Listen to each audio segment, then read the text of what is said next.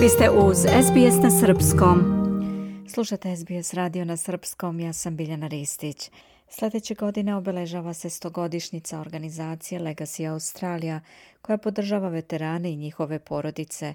Organizaciju je osnovao Stanley Savage 1923 nakon obećanja koje su preživjeli vojnici dali posle Prvog svjetskog rata da će se brinuti o ženama i deci palih drugova. Obeležavajući ovaj značajan jubilej, organizacija sada gleda u budućnost.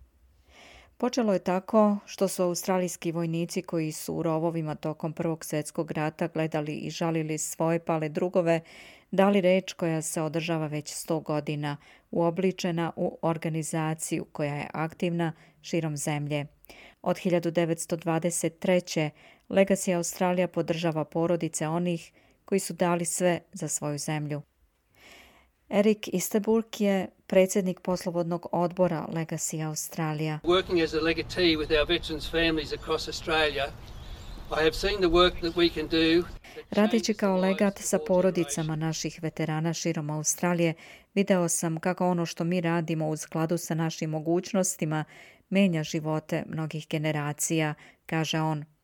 Povodom obeležavanja stogodišnjice organizacije bit će upaljena baklja Legacy Australija koja će sljedeće godine započeti šestomesečno putovanje iz Francuske na dan Anzaka 2023 preko Londona do Australije, gdje će zatim biti donešena u sva 44 kluba Legacy Australija.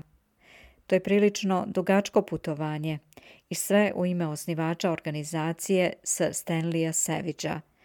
Stanley Waters je njegov unuk. Um,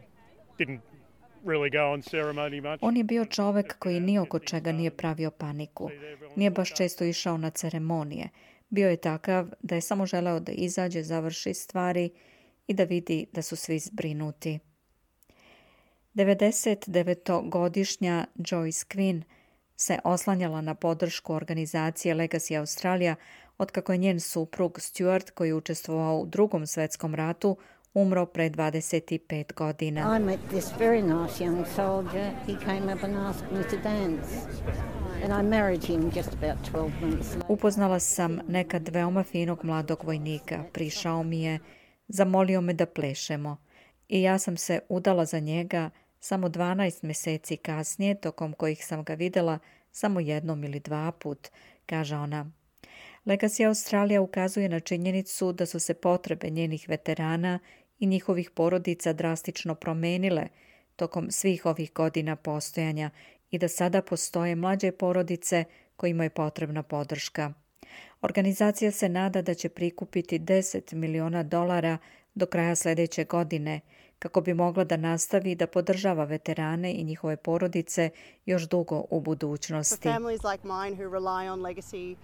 to support us, you know, that trust in the in the charity and that trust that it will endure is Porodice poput moje koje se oslanjaju na Legacy da nas podrži imaju veliko poverenje u tu dobrotvornu organizaciju i verovanje u to da će ona preživeti u budućnosti nama je stvarno posebno važno, kaže Annabel Wilson, čiji suprug Josh je služio u Afganistanu, a umro je od raka mozga po povratku iz te zemlje 2017.